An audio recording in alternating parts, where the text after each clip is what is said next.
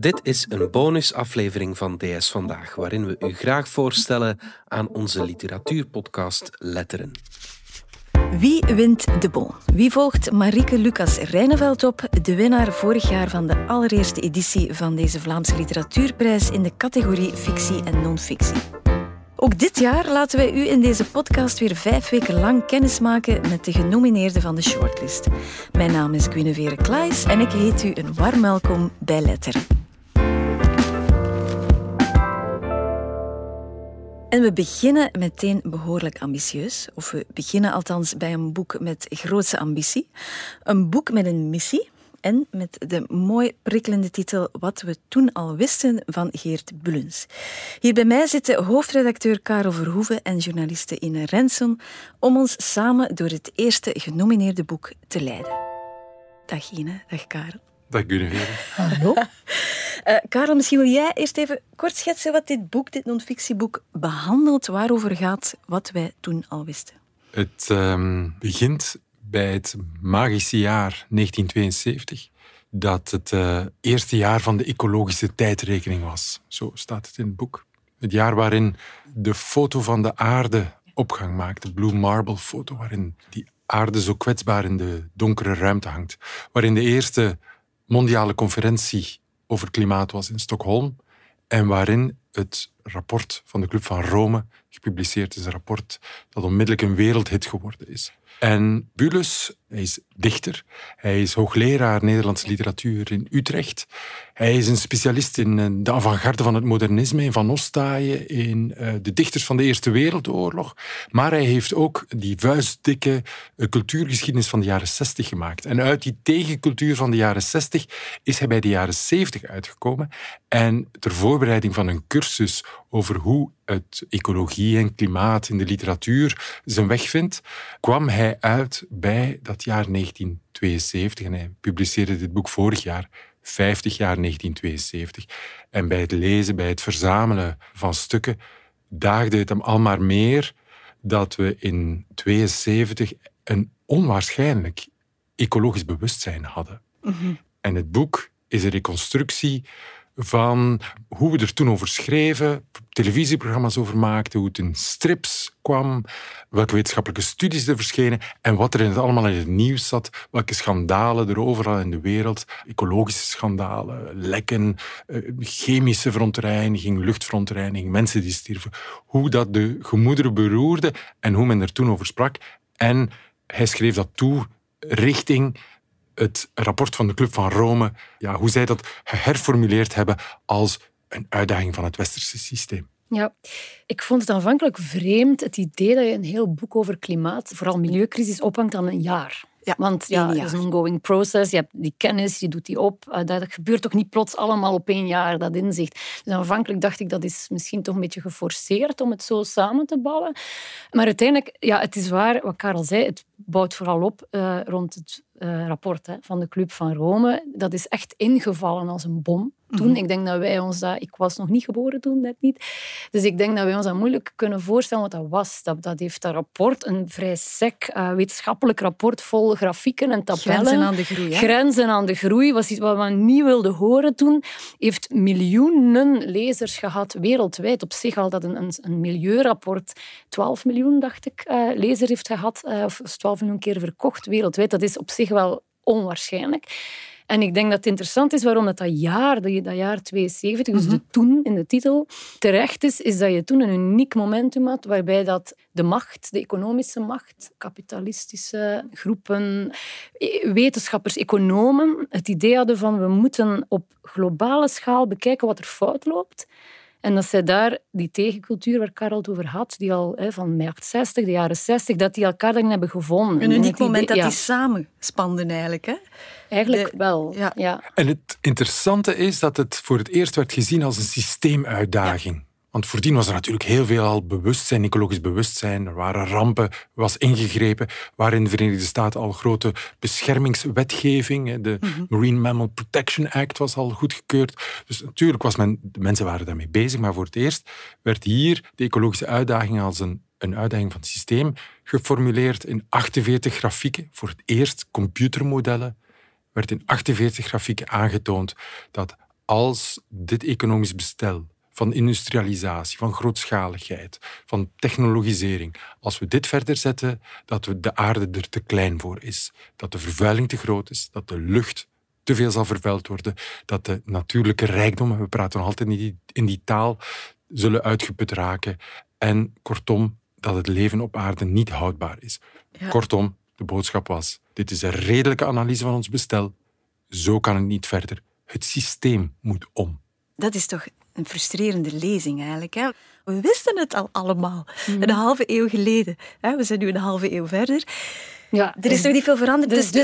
pitch wat- natuurlijk, dat besef Ja. dat we toen al wisten, wat, wat, wat brengt ons dat eigenlijk bij? Ja, het is chockerend natuurlijk. Hè? Om, om in te zien dat, dat we 50 jaar geleden al zo nauwgezet die systeemcrisis eh, Ja. hebben kunnen beschrijven.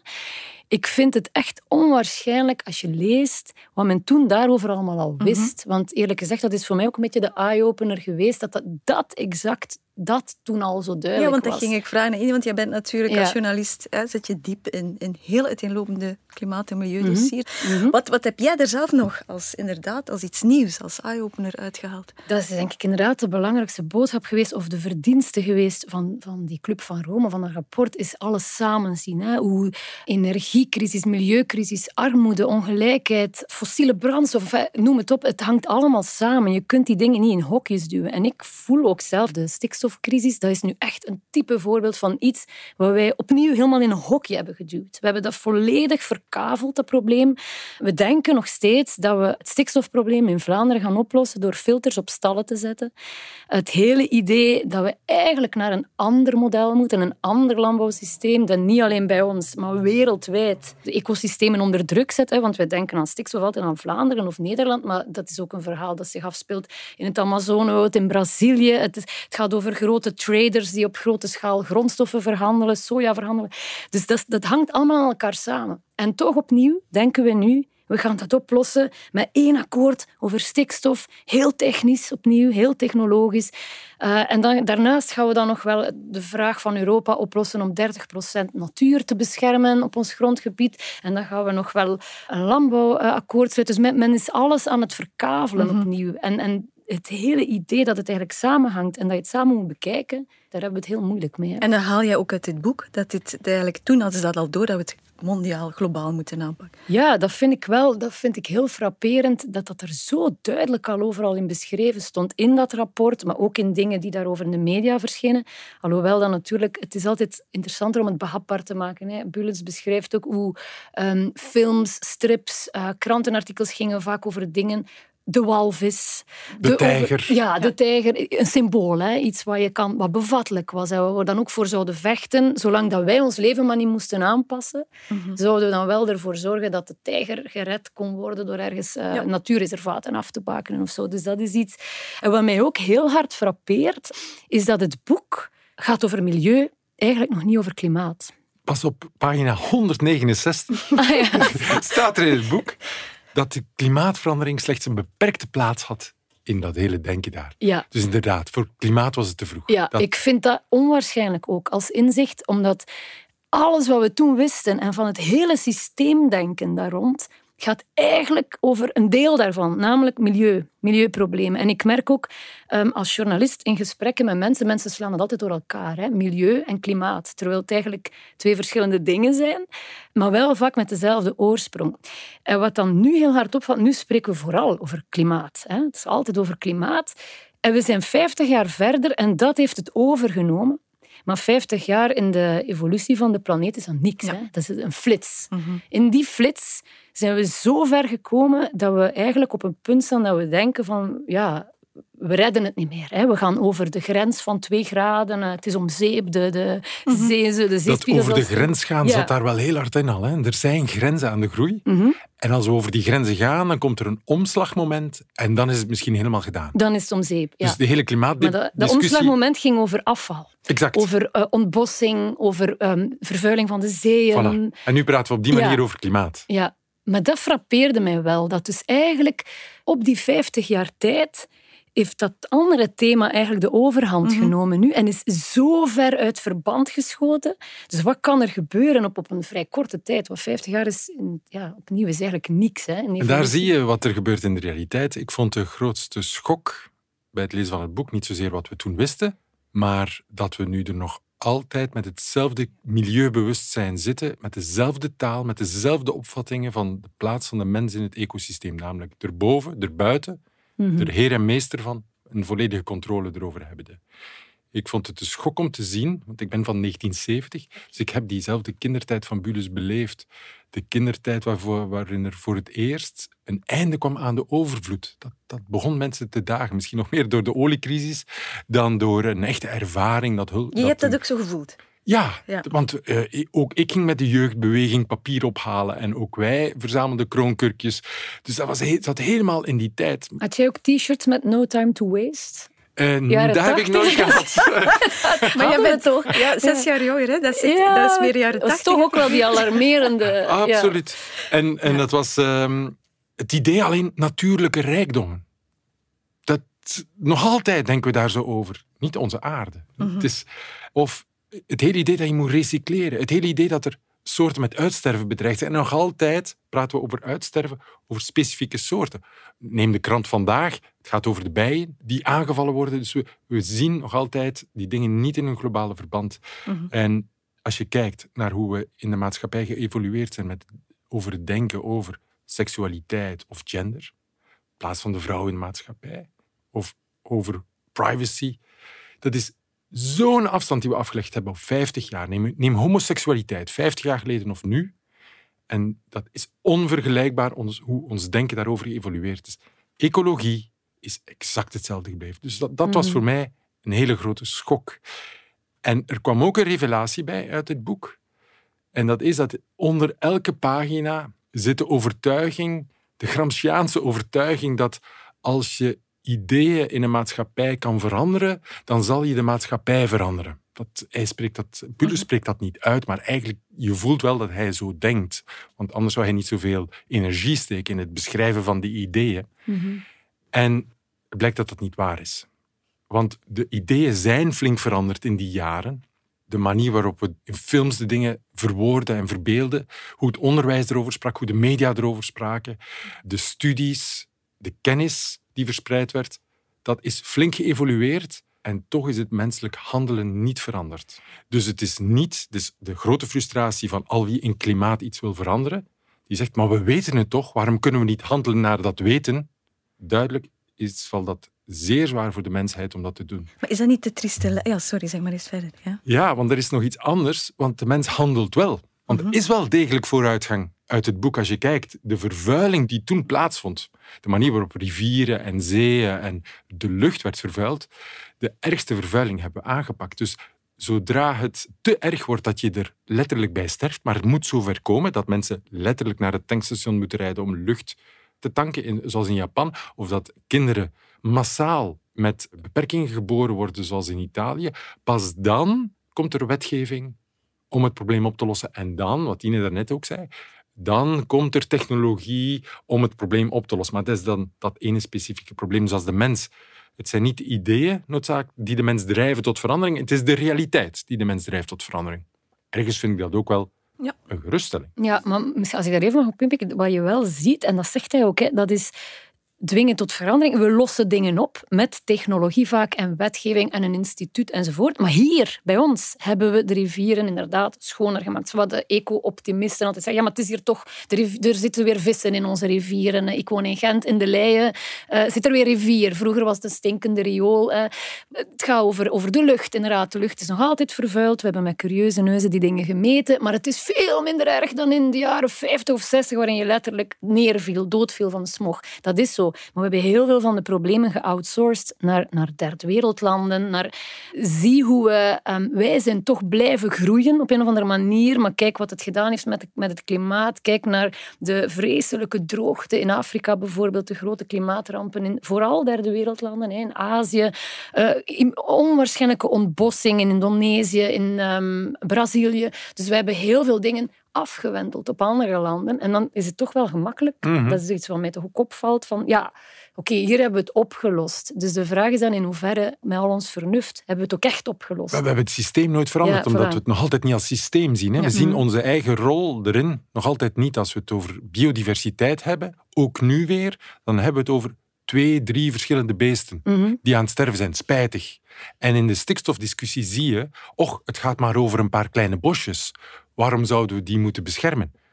We praten erover alsof biodiversiteit niet over ons eigen bioom gaat, niet over onze eigen huid, niet over onze eigen darmen, niet over ons eigen voedsel. Mhm. En dus zolang dat extern blijft, zolang we kunnen pretenderen dat dat buiten ons staat, blijven we doorgaan. Dat is de les van het boek. Dat is de les van het boek. Hè? Dat is een Het trieste is niet vraag. zo uitgesproken, Ja. maar ja, het komt Maar uit het boek stelt een trieste vraag. Hè, van we wisten het toen al.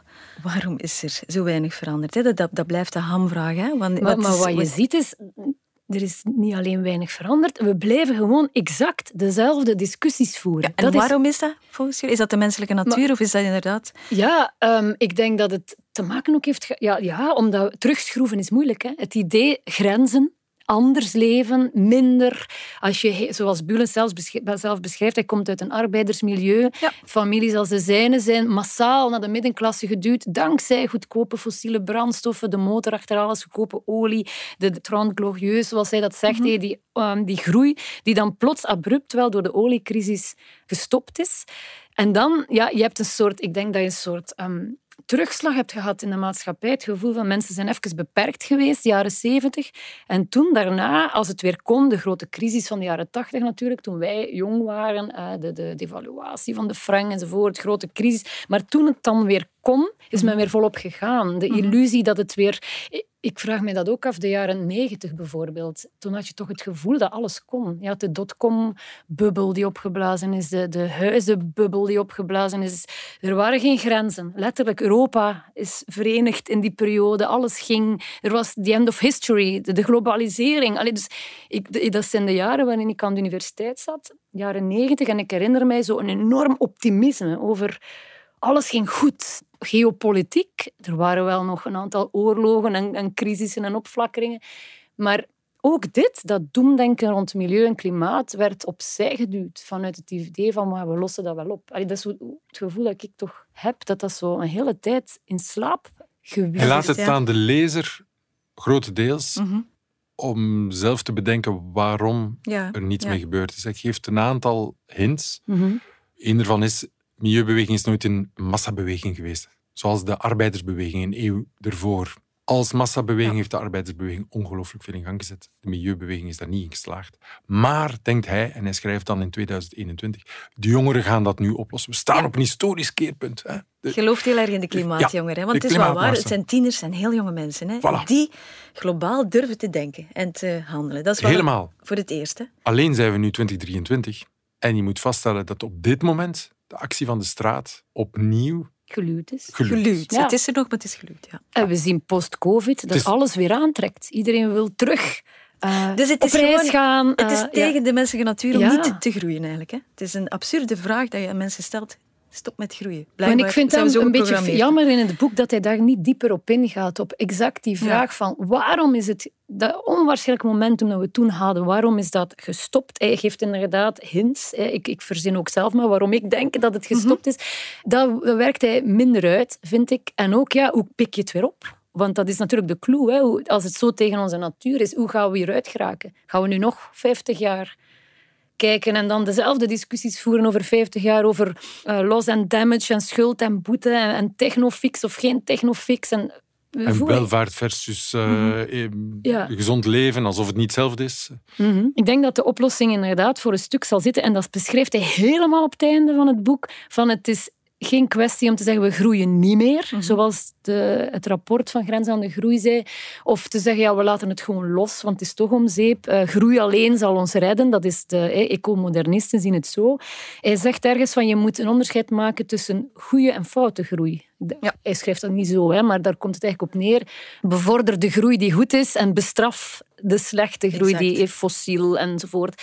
En ik denk wel dat je daar, rond dat idee, een, een zeer brede coalitie kan vinden. Dat is een beetje wat liberalen met groenen verbindt, wat Poma destijds, die ook in zijn boek aan bod Karel komt. Poma, Karel die, we- die we ja. nog kennen als minister van Cultuur. eh, Ja, hè, ook al zei natuurlijk. Ook een liberaal, hè? Dat was een liberaal, Ja. ja, ja, die ook, die ook eh, dokter in de scheikunde was en, en, en een, een heel streng pamflet had geschreven Ja. dat eh, België niet het meest vervuilde land ter wereld mocht blijven, dat de mensheid ging kapot gaan aan zijn vervuiling. Aha, vreemd inderdaad. Maar ik denk dat daar voor een stuk de clue ook zit dat dit is een probleem dat niet in de linkse hoek mag blijven zitten of in de groene hoek. Hè, van... Interessant was dat in de Ja. jaren zeventig dat niet zo was. Ja. Dat Nixon, zelfs Nixon, Ja, die belangrijke wetgeving over die Marine Mammal Protection Act ondertekende in Mhm, 1973. En dat was uniek toen, dat benadrukt hij ook. Hè? Dat is sindsdien niet ja, meer gebeurd. Dat is niet hè? meer gebeurd, nee. Misschien zie je nu wel zeker in Europa iets gelijkaardigs gebeuren. De consensus dat er klimaatverandering is. Vijf jaar geleden was dat nog een vorm van groot debat, ook ideologisch gestuurd debat. In steeds meer landen zie je dat dat een algemeen aanvaard feit is, waarop gehandeld wordt. Hoe je er dan naar moet handelen, dat is natuurlijk opnieuw ideologisch. eh, ja, want de hoop zit daar toch ook bijvoorbeeld bij de Europese Commissie. Het is ook niet bepaald een stel groene jongens. Hè. Het is een zeer technocratisch, soms zeer conservatief lichaam. En die toch heel ver gaan in altijd die lidstaten te pushen om hun grenzen eh, anders te stellen en, en maatregelen af te dwingen. Dus ehm, ja, de oplossing zal waarschijnlijk daar moeten zitten in een breed gedragen consensus over het politieke spectrum heen, dat toch groei mogelijk blijft maken. Want wat jij net zei, het is zo ongemakkelijk. Het idee dat we niet meer mogen groeien, eh, beperking, bekrimping. Ik voel dat ook als je schrijft over klimaat of milieu. Soms krijgen we dan het verwijt dat we terug naar de middeleeuwen willen. Ja, Eh, terwijl ik wil helemaal niks. Hè. Ik probeer inderdaad ook maar de boodschapper te zijn. Maar dat is iets waar je soms... jo- Ja, je krijgt soms eens hate mail van mensen die zeggen ja, we gaan dan allemaal terug naar de middeleeuwen. Het idee van we hebben recht op deze groei en het moet altijd vooruit gaan, zit zo diep ingesleten dat ik denk dat je dit hele probleem ook alleen maar kan oplossen als je het, de oplossing daarop endt. Bulens inderdaad blijft vrij neutraal, vind ik, over de vraag van hoe gaan we dit nu Ja. oplossen. Je ziet helemaal op het laatst, inderdaad neemt hij standpunt in van we gaan niet nog eens 50 jaar wachten. Mhm. Het is echt een zo'n uitgebreide de- reconstructie van dat Ja. ene jaar. hè. En wat vinden jullie Het van zijn reconstructie eigenlijk? Als we het heel even over de vorm toch Ja, het is een. eh, ik heb het boek ervaren als een soort van tentoonstelling, waarin hij dingen etaleert. Hij citeert heel veel. eh, hoe een studie, wat er in de studie staat, hoe de studie ontvangen werd, wat kritiek erop was enzovoort. Ja. Ja. En een beetje veel genres tegelijk. Het is een mentaliteitsgeschiedenis, het is een cultuurstudie, het is een, een beetje pamflet, het is een beetje essay. Hij heeft een helder punt in 1972. En dan laat hij wel heel veel aan de lezer, zoals waarom is het nooit gebeurd? En misschien ook wel, naar mijn gevoel, waarom lees ik dit nu allemaal? Waarom toon je mij dit als een toonstellingsmaker allemaal? Dat miste ik toch wel. De laag, je laat aan een mature lezer heel veel om de parallellen zelf te maken. Je bent terughoudend als schrijver met een metanarratief, omdat dat te sturend zou kunnen zijn, maar ik miste het wel een beetje. Ja, de vraag is inderdaad bij dit soort thema of je dat zomaar kan overlaten aan de lezer. Om dat narratief dan zelf in te vullen. Hij wil inderdaad niet te veel sturen. Misschien heeft hij ook schrik om in die hoek dan geduwd te worden. Soms doet hij het een klein beetje wel. Hè. Ja, en dan inderdaad blijf je zo wel een beetje verwees achter, zoals Karel zei. Van ja, wat is dit nu voor genre? Anderzijds dacht ik dan, nadat ik het uitgelezen had en het is even kunnen bezinken, dacht ik wel, ja, op zich, hij beschrijft ook wel heel hard die mentaliteit van die periode, dat unieke moment, als schrijver, dichter, literatuurwetenschapper. Dus hij bekijkt dat niet als klimaatwetenschapper, wat misschien ook wel interessant is, omdat wat we daarnet zeiden, ja, het gaat moeten van mentaliteit voor een stuk komen, van die grote mentaliteitsshift. Dan is het wel boeiend dat hij het vanuit dat oogpunt beschrijft en niet als het zoveelste klimaatboek. Hè? Want, Dus dat vind ik wel heel vernieuwend, heel fris aan dit boek. Maar ik denk ook dat hij, ja, hij had nog wat meer moeten sturen, denk ik. De lezer toch een beetje meer handvatten geven over de vraag van ja, wat moet ik hier nu allemaal mee? Je moet zelf na het lezen van het boek met een schok tot de werkelijkheid komen van we hebben 50 jaar verloren. Ja. De pitch had nog veel duidelijker kunnen zijn. We weten het al een halve eeuw. Het is 50 jaar geleden heel duidelijk geweest. Toen had je momentum waarbij dat de tegencultuur en de macht hetzelfde dacht over het probleem, een van de problemen van dat moment. En vervolgens is daar niks mee gedaan. Met die pitch kan je volgens mij toch nog ergens een straffere, nog straffer gaan. En wat we toen al wisten, ik vind ook de titel toen, wat we toen al wisten, vrij vaag. Ik, ik zou gedurfd hebben om daar wat, wat harder in te zijn. Want we zijn gewoon 50 jaar verloren. Ik zeg niet dat dat de titel moet zijn, maar zo die... Ja, die insteek... Maar dan kom je bij de vraag, waarom zijn we Ja. die 50 jaar verloren? En, de, ja. En die miste ik wel. Ja. Als, als ik echt iets miste, Absoluut, niet alleen ja. het metanarratief, maar dan... eh, waarom moet ik dit allemaal lezen? Eh, Al, al die details en al die Mhm. boeken en films en dingen uit de jaren zeventig. En, ja, dat, dan wil je een, een doel. En dan was voor mij het doel geweest wel... Ja, daarom zijn we van het pad afgeraakt. En hij doet dat wat mager af. Dat vind ik de grootste zwakte van het boek. Om het neoliberalisme dan van stal te halen in een paar paragrafen. Ja. Dan denk ik, ja, ofwel haal je het van stal en doe je het ernstig. De, de, de round table, de contra-reformatie, zoals ik denk dat het Mhm. letterlijk in het boek staat. Dan roep je, wek je de grote vijand op, die er blijkbaar wel in geslaagd is om hun idee in de maatschappij te laten Ja, infiltreren en de ja. maatschappij te laten veranderen. Dan denk ik, ja, dan, maar dan moet je mij dat wel aantonen. Dan is dat te makkelijk om dat op het einde in een paar paragrafen te zetten. Ja, de aversie voor verandering zit gewoon in ons allemaal. Hè? Het is niet alleen dat neoliberalisme en dat toont hij ergens wel, maar het wordt ook misschien niet duidelijk genoeg benoemd. Of... Want het blijft de grote vraag. Hè? De terechte vraag is waarom in godsnaam zijn we dat moment verloren? Maar dat is bijna de eenzijdige, Ja. trieste conclusie, vind ik. Van, ja, blijkbaar zijn we er niet toe in staat. Dat is toch bijna wat je moet besluiten. Hè? Want we 50 jaar geleden zo acuut Ja, maar het is zo... niet helemaal... Dat boek, als je de onderstroom kijkt van dat boek, het is niet helemaal negatief. Dat is de Nee, negatieve nee, nee. lezing. De Ja. positieve is, het kan. Het kan. Je kan een entente vinden tussen compleet tegengestelde groepen in de maatschappij. Maar heel tijdelijk dan toch Ja. maar. Hè? Ja. ja, dan is Maar misschien is die ook nu weer in de maak. En misschien zijn er krachten aan het werk, en er zijn ongetwijfeld krachten aan het werk, die dat nu ook weer proberen. Dat gevoel hadden we inderdaad twee jaar geleden. Hè? Ja. Zo'n momentum van die klimaatjongeren. Die... Ja, en Ja. interessant is ook dat hij beschrijft, en daar gaat hij ook misschien niet diep genoeg op in, maar het is natuurlijk de basis van dat rapport, is hoe dat het de economische topklasse is die dat rapport bestelt en schrijft, en, en, en de autoconstructeurs. Ja, ja. En die schrik hadden natuurlijk voor het feit dat hun model wel eens zou kunnen eindig zijn. En dat is wel interessant, want daar zit een enorm potentieel. Als je nu ziet hoe bijvoorbeeld de grootste uitstoter van CO2 in ons land is ArcelorMittal.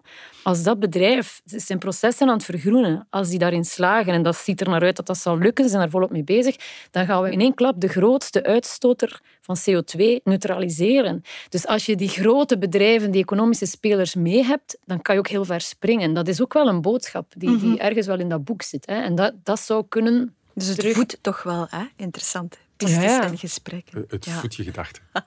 Een belangrijke ja. reden om het te lezen. Ja, voilà. Maar dat moet ik toch inderdaad nog wel even... Want we zitten in de context van een shortlist en van een literaire prijs. Moeilijk te beantwoorden natuurlijk, maar vinden jullie dat dit boek eh, kans mag maken om te winnen? Ja, ik vind het wel. Het is moeilijk. Ik, ik vind het heel moeilijk hoe je zo'n soort boek afzet tegenover een roman. Hè. Zoals bijvoorbeeld De Draaischijf van Tom Lanois. Geweldig boek ook. Voor mij is het natuurlijk wel het ding van het bewustzijn dat dit boek toch geeft over die hele thematiek, eh, wat wel mogelijk is, wat niet gebeurd is. Ik, vind, ja, ik, ik ben natuurlijk misschien een beetje bevooroordeeld als journalist die rond deze thema's schrijft, maar ik vind het wel by far het belangrijkste probleem er nu is. Dus als je een boek hebt dat vrij toegankelijk en inspelend ook op, op populaire cultuur en zo daarover schrijft, ja, insteek. het is ja. geen sick wetenschappelijk klimaatboek. Hè. Zo zijn er ook veel die moeilijk verteerbaar zijn. Hier lees je wel vlot door, vind ik. En het is, dat is toch ook wel de verdienste, dat hij ons op een andere manier doet kijken. Door ja, terug te grijpen naar dat ene jaar. Mhm. Eh, ik denk veel klimaatjongeren denken ook dat dit een probleem van nu heel recent is. Hè. Dat zij nu de eerste zijn die op straat komen. Terwijl het moet voor hen ook een schok zijn misschien om te beseffen dat al die dingen 50 jaar geleden exact op dezelfde manier beschreven werden. Dus Er zitten razend veel interessante ideeën in over de cruciale kwestie. Als fictieboek vind ik het geen grand cru, omdat ik het een beetje... ehm, te- ik vind het te weinig verspringen op te veel vlakken.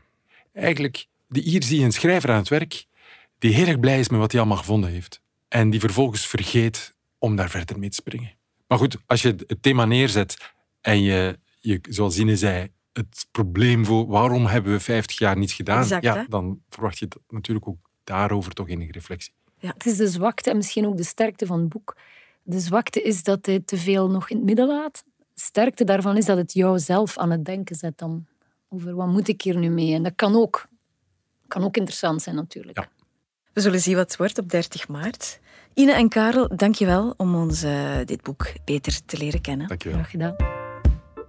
En zo zit deze eerste aflevering van Letteren erop. Vergeet niet dat u zelf mee kunt stemmen op uw favoriete boek in de categorie fictie en non-fictie en kinder- en jeugdliteratuur. Dat kan tot en met 26 maart via standaard.be-de boon. U kunt er zowaar een weekendje Gent voor twee mee winnen. Dank voor het luisteren en graag tot volgende vrijdag. Dan komen Filip Joos en Lieve van de Velde ons vertellen over het boek Zelf doen van Ninja Weijer.